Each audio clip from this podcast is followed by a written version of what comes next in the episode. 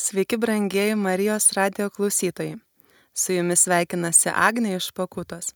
Šiandieną norėčiau Jums pristatyti šeimų stovyklą, kuri vyks rūpjūčio 3-7 dienomis Pakutovinuose. Tema - nesuskambėjęs pragaras. Laidoje kalbinsime kunigą Mozę Mitkevičių, kuris bus šios stovyklos lektorius. Mozė atsakys į klausimus apie tai, ką dalyviai išgirs ir sužino šios stovyklos metu. Šeimų stovyklos Pakutovinuose jau vyksta nuo 1995 metų. Tiesa, šią vasarą šeimų stovyklą organizuoja ne Kretingos pranciškoniško jaunimo tarnyba, kaip įprasta, o Pakutos bendruomenė. Per daugelį metų šių stovyklų metu Dievas padarė daugybę nuostabių dalykų žmonių gyvenimuose. Dievas lietė širdis, gydė, keitė jas Leiskite man trumpai paliudyti, kaip Jėzus pakeitė mano gyvenimą šios stovyklos metu. Jau nuo 12 metų pradėjau ieškoti gyvenimo prasmės, kadangi mirė mano tėtis. Ir viskas, ko pati tada norėjau, tai mirti kartu. Pradėjau ieškoti prasmės filosofijos knygose, prisiskaučiau daugybę jų, prisižiūrėjau filmų ir pradėjau neikti Dievo egzistavimą sakydama, kad religijos yra sukurtos tik tam, kad išviliotų pinigus ir suviliotų žmonės. Vėliau vis dėlto susidomėjau anapusiniu gyvenimu. Norėjau tikėti, kad yra kažkas daugiau. Deja, pasukau ne tuo keliu. Pradėjau domėtis viskuom, tik ne krikščionybė. Skaičiau knygas apie pasąmonę, pasąmonės galę, apie tobulėjimą. Lankiausi pas būrėjas, keletą kartų net kviečiau dvasias. Viskas atrodė labai įdomu, bet nesuteikė nei džiaugsmo, nei ramybės, nei prasmės. Kai buvau paskutinėme bakalauro kurse, psichologinė sveikata visai suprastėjo. Vos baigiau mokslus. Naktimis praverkdavau tiek, kad prauštinusias akis ryte beveik nieko nematydavau. Buvau pervargosi, nejau paskaitas. O iš šono viskas atrodė labai gerai. Turėjau gerų draugų, keliavau, visada lengvai rasdavau darbą, kadangi buvau prisiskaičiusi visokiausių psichologinių knygų, dvasinių knygų, draugai eidavo manęs klausti patarimų dėl gyvenimo, o pati aš tuo metu te galvodavau, kaip būtų gerai, jei viskas baigtųsi. Nuėjau pas psichologus, nustatė depresiją, geriau antidepresantus, nuo kurių jaučiausi dar praščiau. Ačiū Dievui pavyko baigti mokslus. Ta vasarą nusprendžiau praleisti Klaipadoje. Būnant Klaipadoje pamačiau, kad Pakotovinuose vyksta šeimų stovykla, kurioje buvau dalyvavusi labai seniai, dar paauglystėje. Mane čia buvo atsivežusi teta. Ir atsirado didžiulis troškimas atvykti. Bet labai nedrįsau atvykti viena, tik paskutiniu momentu priemiau galutinį sprendimą važiuoti. Atvažiavus man, pirmą ar antrą vakarą vyko adoracija, šlovinimas net nelabai supratau, ką tai reiškia. Bet kadangi neturėjau daugiau ką veikti, nuėjau. Galvojau, kad bent pasiklausysiu gražių dainų. Toks tada buvo mano mąstymas. Tuo metu mano tikėjimas buvo toks, jog tikėjau, kad egzistuoja aukštesnė jėga - energija. Ir kad krikščionybė tiesiog vienas iš kelių, o Jėzus vienas iš mokytojų. Tada nuėjusi bažnyčią, atsiklaupiau ir paprašiau Dievo, žiūrėdama į švenčiausiai sakramentą tarsi griebdamasi paskutinio šiaudo, nes prasmės ieškojau jau visur. Paprašiau Dievo, jeigu tu esi, parodyk man kelią, padėk įtikėti. Ir tada pradėjau upeliais bėgti ašaros. Dar vyko užtarimo malda, kur paprašiau melstis už mane to paties dalyko. Pamenu, tada praverkiau kone visą naktį, bet pirmą kartą gyvenime tai buvo kitoks verkimas. Ne iš skausmo, ne iš depresijos, o todėl, kad pajutau kažką be galo didingo, mylinčio, tokią meilę, kokią šio pasaulio nesugeba mylėti joks žmogus. Pajutau kažką daug tikresnio už tai, ką matau savo akimis. Kita rytą atsibudau tarsi naujas žmogus.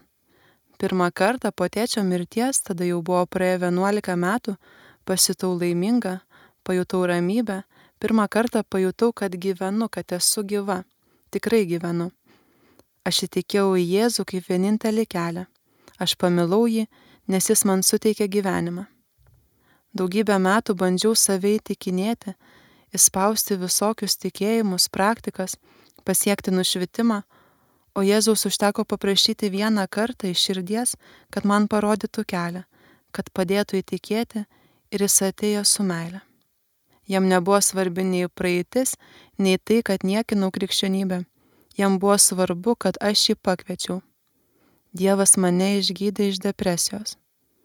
Tai buvo prieš šešerius metus. Šeimų stovyklos metu pasikeitė mano gyvenimas dėl Dievo malonės. Ir mano istorija yra tik viena iš šimtų, kurios įvyko čia, pakutoje. Ir viena iš milijonų, milijardų, kurias padarė Dievas šioje žemėje. Aš tikiu, kad atvažiavę čia išgirsite daug daugiau tokių nuostabių istorijų apie Dievo meilę ir jo veikimą. Ir mes dabar su komanda melžiamės už kiekvieną žmogų, kuris atvyks, kad Dievas paliestų visų širdis, kad išgydytų jas, kad išlaisvintų. Stovyklos metu vyks šlovinimai, malda, vyks vaikų pastovyklė, kur drąsiai galėsite palikti savo vaikus. Klausysimės kunigo Mozės Mitkevičiaus paskaitų, apie kurias jis dabar mums daugiau pakalbės. Mozė šiuo metu gyvena Romoje, kur studijuoja, kur gilina savo žinias, kad galėtų jomis pasidalinti su kitais. Tai gal tada galėtume trumpai prisistatyti, žinau, kad jūs dabar su mumis bendraujate iš Romos, tai ką ten veikiate? Na, aš esu kunigas Mozė Mitkevičius, Vilniaus arkiviskupijos kunigas ir šiuo metu Romai studijuoju šventąjį raštą. Esu doktorantūros studijas na, ir tikiuosi po metų jau grįžti kaip daktaras biblinės teologijos. Mhm. Ir stovyklą mes šią pavadinome pagal jūsų knygos pavadinimą, e, nesuskambėjęs pragaras. Taip. Tai vad, kodėl toks pavadinimas, ką reiškia nesuskambėjęs pragaras, nes daugam ta žodis pragaras tai kažkaip kelia tokias neigiamas emocijas ir baimę, tai vad, ką reiškia nesuskambėjęs pragaras. Na, iš tikrųjų, tai toj knygoje yra ir, ir skirtas tekstas, vienas ekskursas, paskutinis tekstas, kuris ir kalba apie tą pavadinimą. Bet šiaip aš pastebėjau kad dauguma kurie pradeda skaityti tą knygą arba bent jau ją pasiima pavartyti tai jiems tas pavadinimas nu, truputėlį juos šokiruoja ir jie iš karto pradeda galvoti apie pragarą ir kaip čia, na, žodžiu, mintis krypsta pirmiausia į vietą kažkokią arba į būseną. Bet e, tas tekstas nesuskambėjusio pragaro dėl ko ir, ir pavadinimas pats kilo tai knygai, jis yra ne apie pragarą, bet apie tai, kaip galima matyti, kažką išvelgti, ko paprastai mes nematom, arba apie ką paprastai negalvojam. Tai kitaip tariant, labiau kreipia ne į vietą, ne į būseną, bet į būdą, kaip skaityti, tarkim, šventą įraštą arba apskritai, kaip atpažinti tikėjimą savo gyvenime. O tą, tą pavadinimą aš pasiskolinau iš Bacho vieno kūrinio, vargonams piesės, kurioje yra viena nata, kuri yra tiesiog nepagrojama dėl to, kad galimybių nėra instrumentui vargonams tą natą išgauti. Ir viena iš interpretacijų yra, kad Bachas rašydamas tą kūrinį galvoja apie švenčiausią trejybę ir antroji dalis to kūrinio yra skirta Jėzui Kristui. Ir turbūt, kad būtent tai būsenai, kai jis nužengė į pragarus. Nužengė į tokią gelmę, kuri yra nepasiekiama išreiškimui. Vargonai nesugeba tokios žemos natos išgauti. Tai teologiškai labai gražu, kad ta nata jinai, jinai nepagrojama, dėl to jinai ir nesuskamba, bet ją išgirsti visai nereik garso, ją išgirsti reikia teologijos arba reikia jau tikėjimo ausų. Tai ta knyga irgi mėgina būtent tą ir daryti, lavinti mūsų tikėjimo klausą ir bandyti išvelgti Dievo veikimą ten, kur galbūt paprastai mes jo nematom, ypač kad Evangelijos ir ypač Morkaus Evangelija labai didelį akcentą mato ties ties gebėjimu matyti ir girdėti. Tai Jėzus nužengė į pragarus, bet jis prisikelia ir, ir nugali mirti. Taip. Ir jis nugali mirti. Tai nėra apie pragarą, jinai yra apie gyvenimą ir apie gyvenimą su Dievu. Taip, ir stovyklos metu mes turėsim iš ties ganėtinai daug paskaitų ir, ir per tas paskaitas, ką žmogus gali tikėtis išgirsti, ką suprasti, ką, ką pamatyti širdimi. Na, aišku, aš leisiuos turbūt ir į žmonių klausimus ir turbūt turės aktualių kažkokių temų tai visada galėsim diskutuoti ir krypti į šonus, kiek matysiu, kad yra aktualu ir reikalinga. Bet tokį pamatą, tai aš galvoju vis tik tai kalbėti apie psalmes, apie Dievo žodį ir galbūt, na, pastebėjau, kad daug grupelių dabar Lietuvoje kūrėsi švento rašto, kurie mėgina skaityti kartu. Tai truputėlį pamokyti, kaip tą daryti. Ne dėl to, kad jie nežinotų, bet galbūt parodyti galimybės, kaip galima perskaityti šventąjį raštą. Ir pirmiausia, tai ko dažnai pasigendu tose grupelėse, tai tokios pagarbos tekstui, arba tiksliau atidumo tekstui. Pats šventas raštas, jisai labai daug ką pasako ir mes dažnai paviršutiniškai galbūt pražiūrim tuos dalykus, literatūriškai neįsigilinam dėl to, kad neturim įgūdžių apskritai, nežinom net kaip skaityti. Ir dažnai gaunas, kad pakimbam tokiam paviršutiniškam dvasiniam lygyje, kažkas kažką jaučia, pasidalina, ką pajautė, na ir, ir, ir taip ir pasiliekam ties tuo. Tai man norėtųsi e, daugiau duoti tokio pamato, pagrindo švento rašto skaitimui. Ir psalmės jos labai kaip kūriniai labai e, geri, tinkami tam, tai mokyklai, nes tai yra ir Dievo žodis, ir tuo pačiu labai per jas e, matosi sąsaja tarp Senojo ir Naujojo testamento. Na, žodžiu, tokia vat mini mokyklėlė, tuo pačiu aišku ir suaktualinant, reflektuojant apie savo patirtį. Mėginant pažinti psalmininko žodžiuose ir, ir savo pačių gyvenimus, išgyvenimus, baimės, baimę, nežinau, siaubus kažkokius galbūt ir, ir pasitikėjimą Dievu, kuris įveikia viską.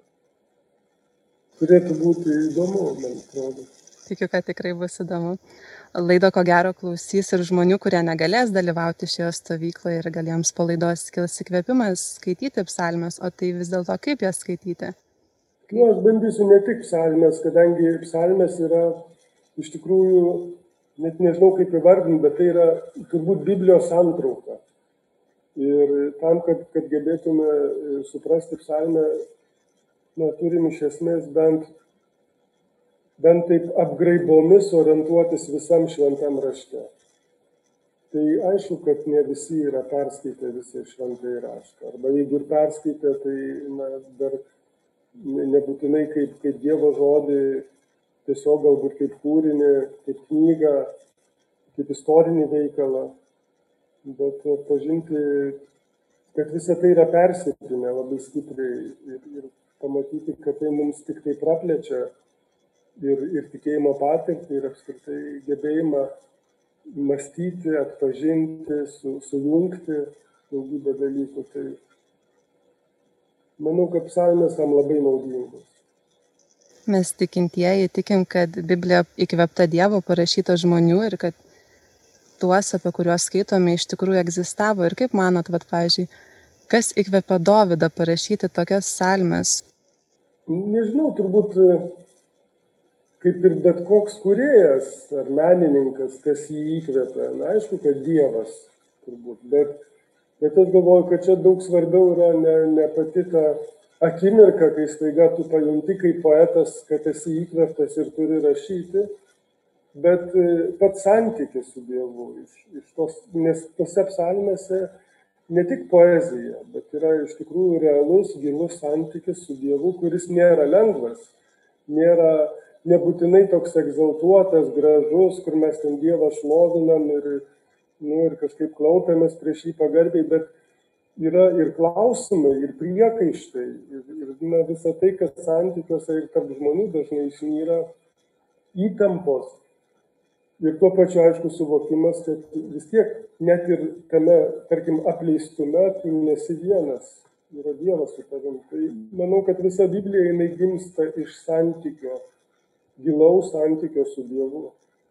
O Dovydui net šiandien ir nežinom, ar ten tikrai jo, jo ranka rašytos psalmės, galbūt tik tai priskirtos jam kaip autoritetui tuose artimuose rytuose ir, ir graikų pasaulyje visai įmanoma priskirti kokį nors kūrinį mokytojui autoritetingam, jo vardu pasirašant, nes galbūt arba ta pati mokykla, kalbant apie graikus, arba tiesiog tas kūrinys kitaip neišliktų. Šiandien mes jau kaip autoriai tai pasirašom ir, ir kiekvienas tengiamės saugoti galbūt savo net vardą.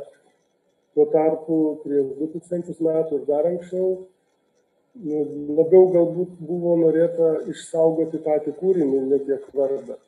Tai ir Dovydui psalmės tradiciškai priskiriamos, bet ar jis jas tikrai užrašė, tas netrukdo mums visai šiandien tikėti, nes tai, kas ten užrašyta, yra iš tikrųjų gimę iš, iš gilaus santykio su Dievu ir kas padeda visų laikų žmonėms irgi jį stiprinti. Paminėjot, kad psalmės gimsta iš santykio su Dievu.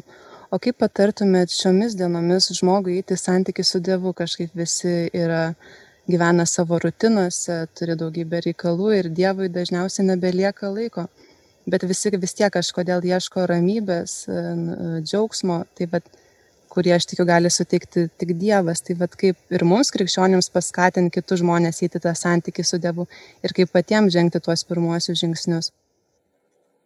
Na, aš tai visą laiką galvoju, kad e, mums nereikia išradinėti kažkokio dviračio ir labiau žiūrėti, kaip mūsų santykiai tarpusavyje, kaip jie kūrėsi, kaip žmonės pradeda bendrauti, jie susipažįsta, paskui aukoja savo laiką, būna kartu, vis labiau pažįsta pomėgius, skirtumus netgi pradeda matyti. Tai iš viso to buvimo kartu ir gimsta paskui draugystės, ir gimsta ryšiai, ir kurie kartais gali būti net tokie stiprus, kad žmonės susiję savo gyvenimą jau santokos sakramentu, arba, na, bent jau lieka tikrai tokiais, sakykime, gyvenimo draugais.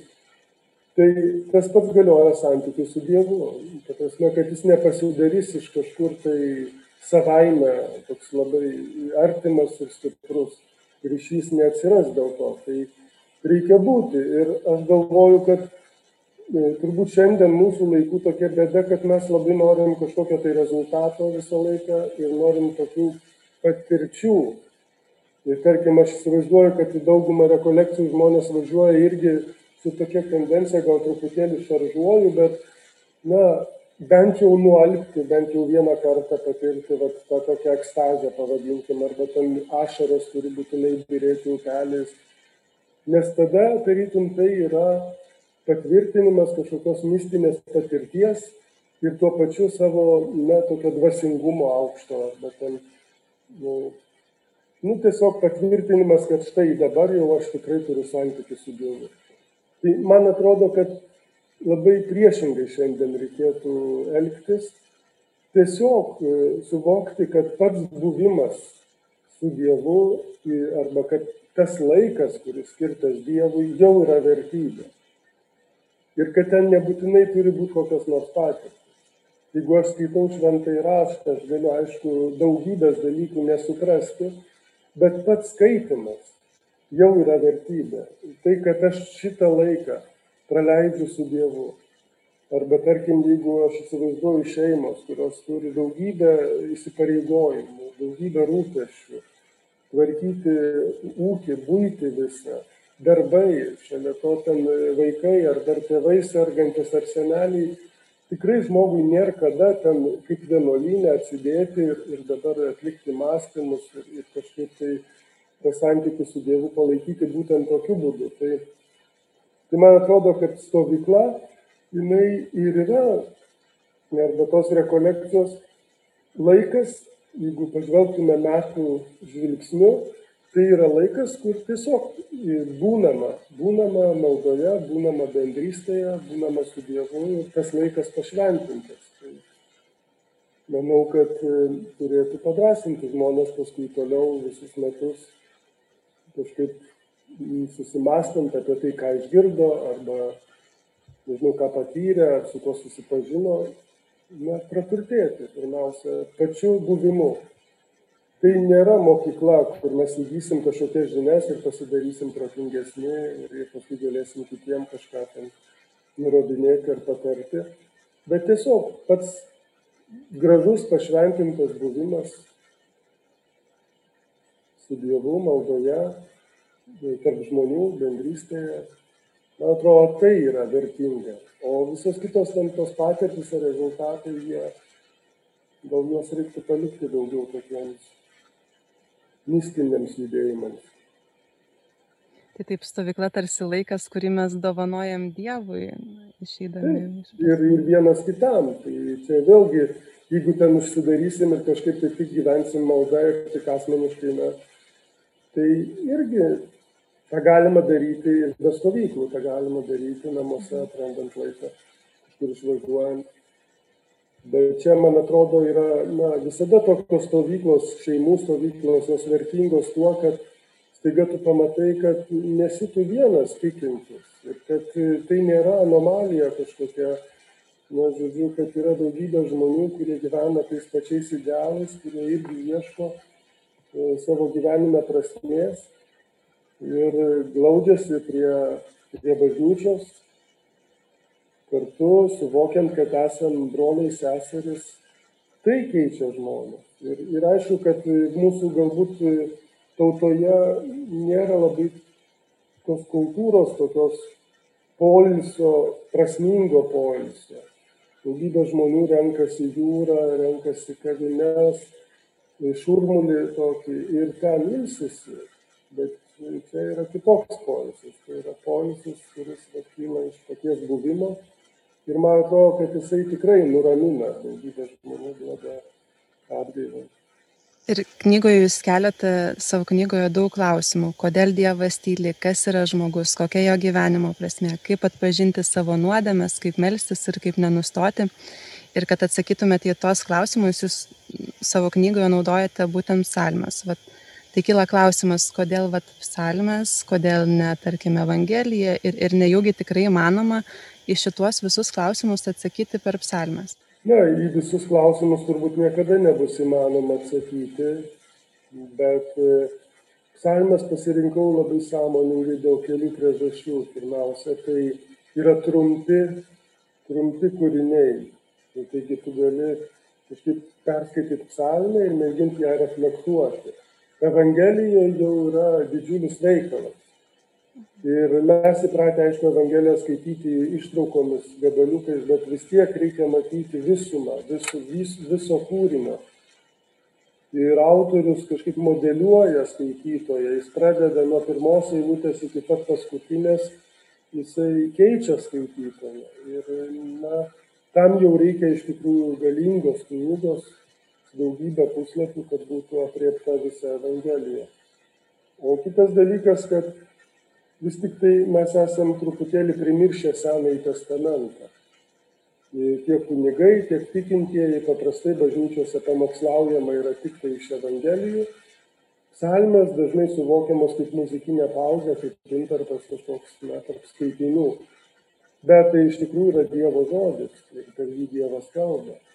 Tai norėjosi kažkuria prasme truputėlį reabilituoti psalmes ir kitas dalykas kad man atrodo e, jeigu galvotume ir apie netikinčius žmones arba neatradusius dar tikėjimo nepraktikuojančius tikėjimo jiems psalmės yra kūrinys poezija kuri kuri prakalbina juos.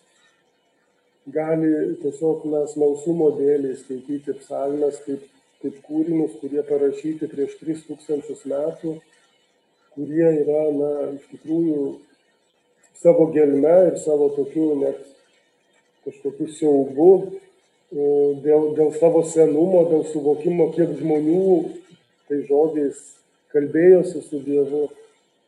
Tai visuomet yra kažkas nepininga, e, baugu ir traukia tuo pačiu. Tai man atrodo, kad e, aš norėjau taip pat ir ta knyga ne tik katalikus patrauktų, bet labai norėjosi ir, ir dar ieškančių žmonės, arba galbūt dar nu, nesusimašiusius apie tai. Dėl to ir pavadinimas toksai irgi, tarytum, turėtų truputėlį šokiruoti, truputėlį traukti tuo pačiu, nu, kažkaip tai iš, išjudinti iš vietos, kad žmogus paėmęs tą knygą nepagalvotų, ai, nu jo, čia, tai, čia tik katalikams, čia ne man. Bet visiems. Ir jinai, man džiugu, aš girdėjau, kad, kad literonai labai atrado tą knygą irgi skaito. Ir tai jau toks ir ekumeninis kažkoks kelias. Aišku, ta knyga jau gyvena savo gyvenimą ir aš su ja nelabai ką bendro turiu.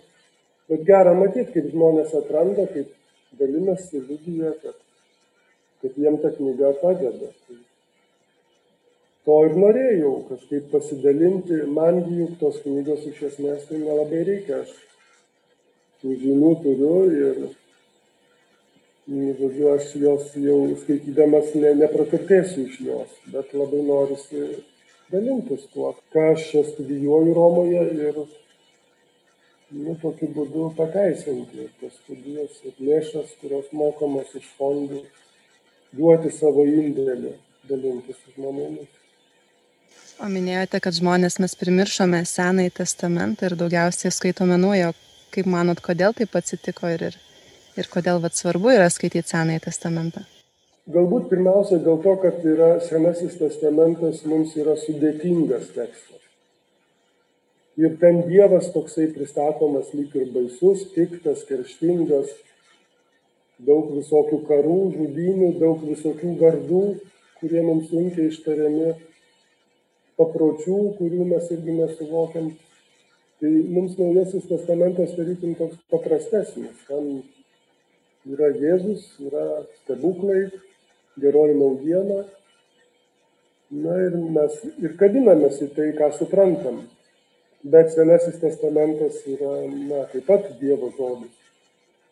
Ir jeigu norim suprasti, koks yra Dievas, net ne tai, ar jis yra, bet apskritai, koks jis yra, tai be Seno testamento nepamatysim to veido. Reikia žinoti, kad gailestingumas be teisingumo jisai pakimba, nieko nebereiškia. Ir matyti, kaip Dievas, pavyzdžiui, labai įdomu matyti, kaip Dievas nusileidžia dažnai tuose santykiuose su tauta, čia pyksta, čia, čia pat pasako, kad, žodžiu, viską nutraukiu, čia sunaikinsiu, bet šalia to labai žmogiškai kažkaip o tai kaip čia bus toliau tai tada aš vienas liksiu. Ir tada atrodo iš to kyla ir atleidimas ir nauja galimybė kažkokia ir vėl jisai su tais žmonėmis su savo tauta mėgina kaip su vaikais žodžiu nusileisti iš naujo kažkaip vėl kurti vėl patraukti prie savęs. Tai gražu matyti tas tokie bangavimai ir kad vis tik tai mūsų dievas jisai nėra nu, kažkokia idėja, kažkoks tolimas, užsidaręs, tartum vakume, nežinau, dievaitis, bet yra asmuo, kuris nuolat trokšta santykio ir,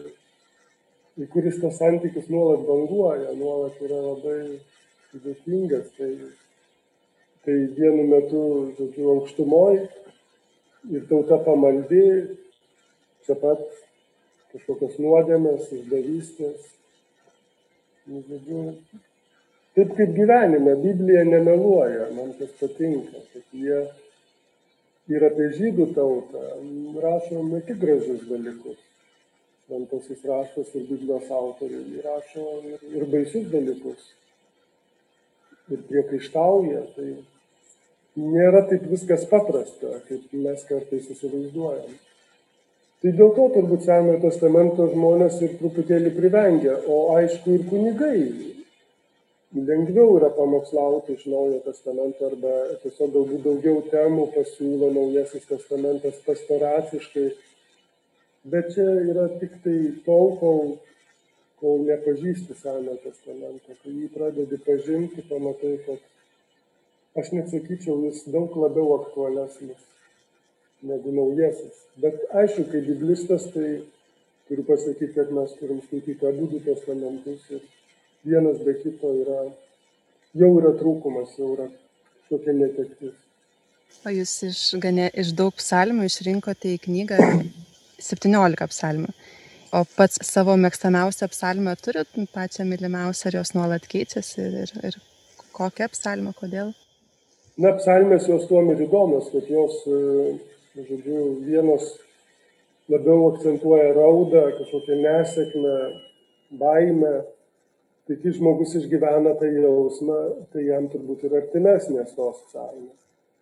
Kitos yra labai šviesos, giedros, ir ten ypač jau paskutiniosios psalmės, tokios, kurios jau kalba apie grinai tokią universalų pasaulio vaizdinį pristato ir, ir visi jame šlovina Dievą.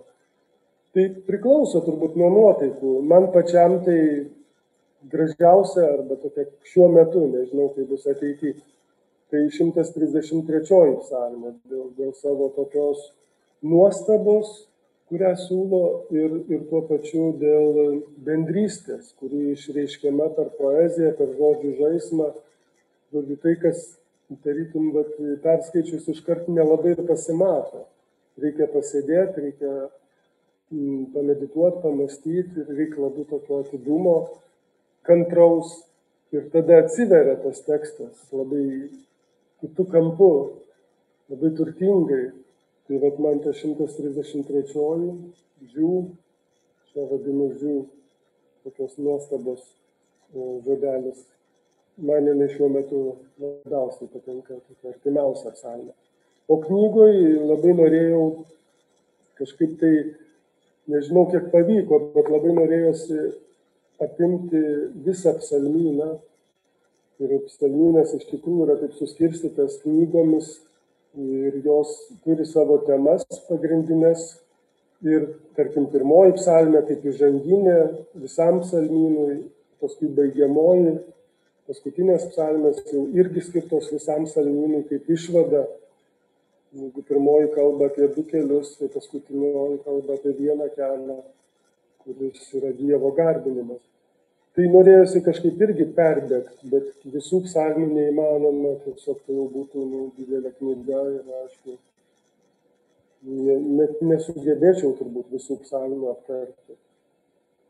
Tai kažkaip paimti po gabalėlį ir pristatyti žmonėms, duoti ne tik psalmės aiškinimą, bet ir, ir metodiką, kaip apskritai skaityti šventą raštą. Man atrodo, kad vat, čia net labiau toks iššūkis didesnis ir svarbesnis. O tarp psalmių tai sąmoningai pasirinkau prakeiksmo psalmes kelias, kurios neįtrauktos į brevioriaus maldą, kad na, žmonės nebijotų tų tekstų, kad suvoktų, jog tai yra irgi Dievo žodis. Ir jeigu mes ignoruojam tas psalmes, tai kažko neišmokstam, kažko netenkam.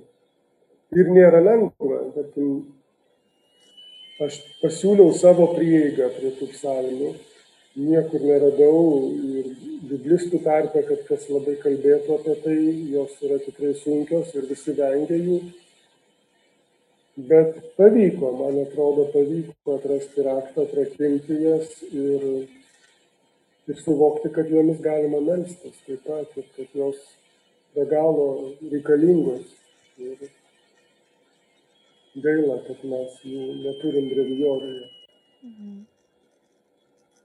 Dar norėjau paklausyti dėl žmonių, kurie planuoja atvykti ar neatvykti. Kam bus skirtos, kokiem žmonėms jūsų paskaitos, ar visiems, ar ne visiems, nes dažnai labai žmonės bijo, kad nesupras, kad čia ne jiems, kad čia nepavyks jiems įsigilinti. Tai... tai aš visada derinuosi prie žmonių ir, ir bandau kalbėti jų kalbą. Tai manau, kad susikalbėsim. Aišku, kad tai nebus turbūt vaikams skirtos paskaitos. Jiems, e, ko gero, nežinau, galbūt organizatoriai numatė veiklą kažkokią, bet yra gamta, turės ką veikti. O šiaip skirta ir paaugliams, ir suaugusiems žmonėms, ir vyresnio amžiaus žmonėms. Na, visi, kas, kas domisi šventų raštų ir kas iš esmės nori nu, kažkiek išmokti jį skaityti. Manau, kad visiems naudinga ir nenaudosiu aš tokių žodžių, kurie būtų nesuprantami arba sunkiai ištariami.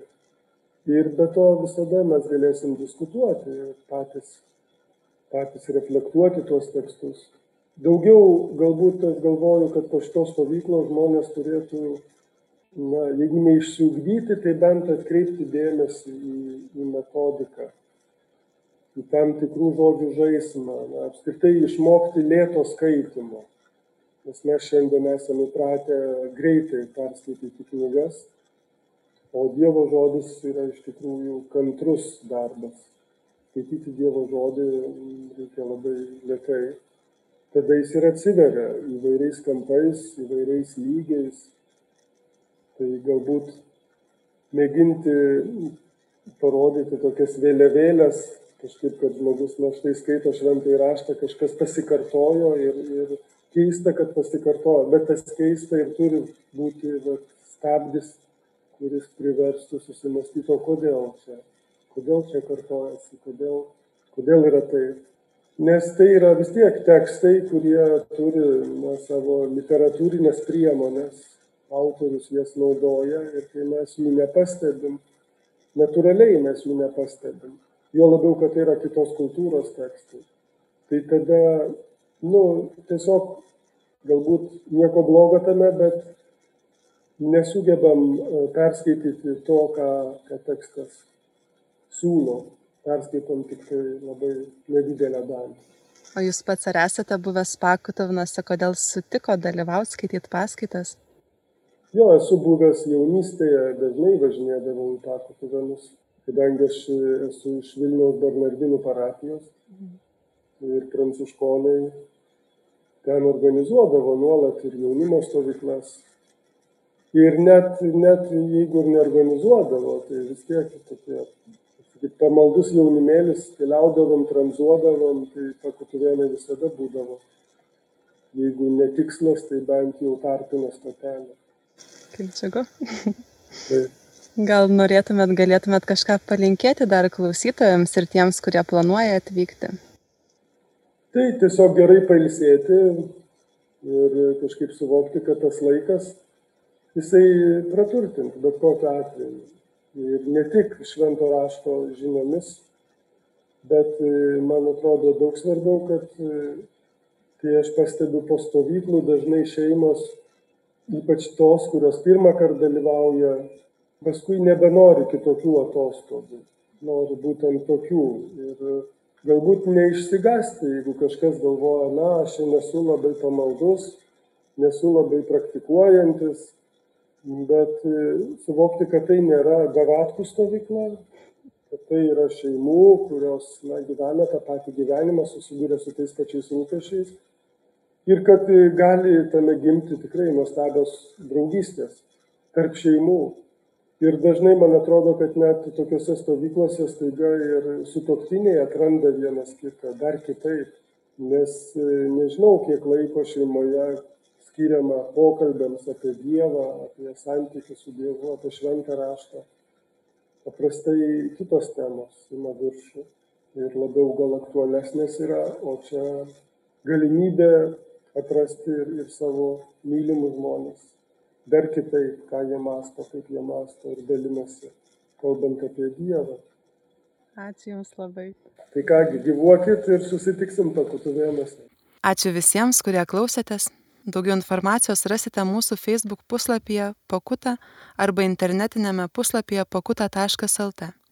Taip pat galite mums parašyti elektroninį laišką adresu pakutuvenų vienuolynas etagmail.com. Primenu, kad šeimų stovykla vyks rūpjūčio 3-7 dienomis, o registracija yra vykdoma iki Liepos 27 dienos. Labai visų lauksime, te Dievas visus laimina. Su Dievu.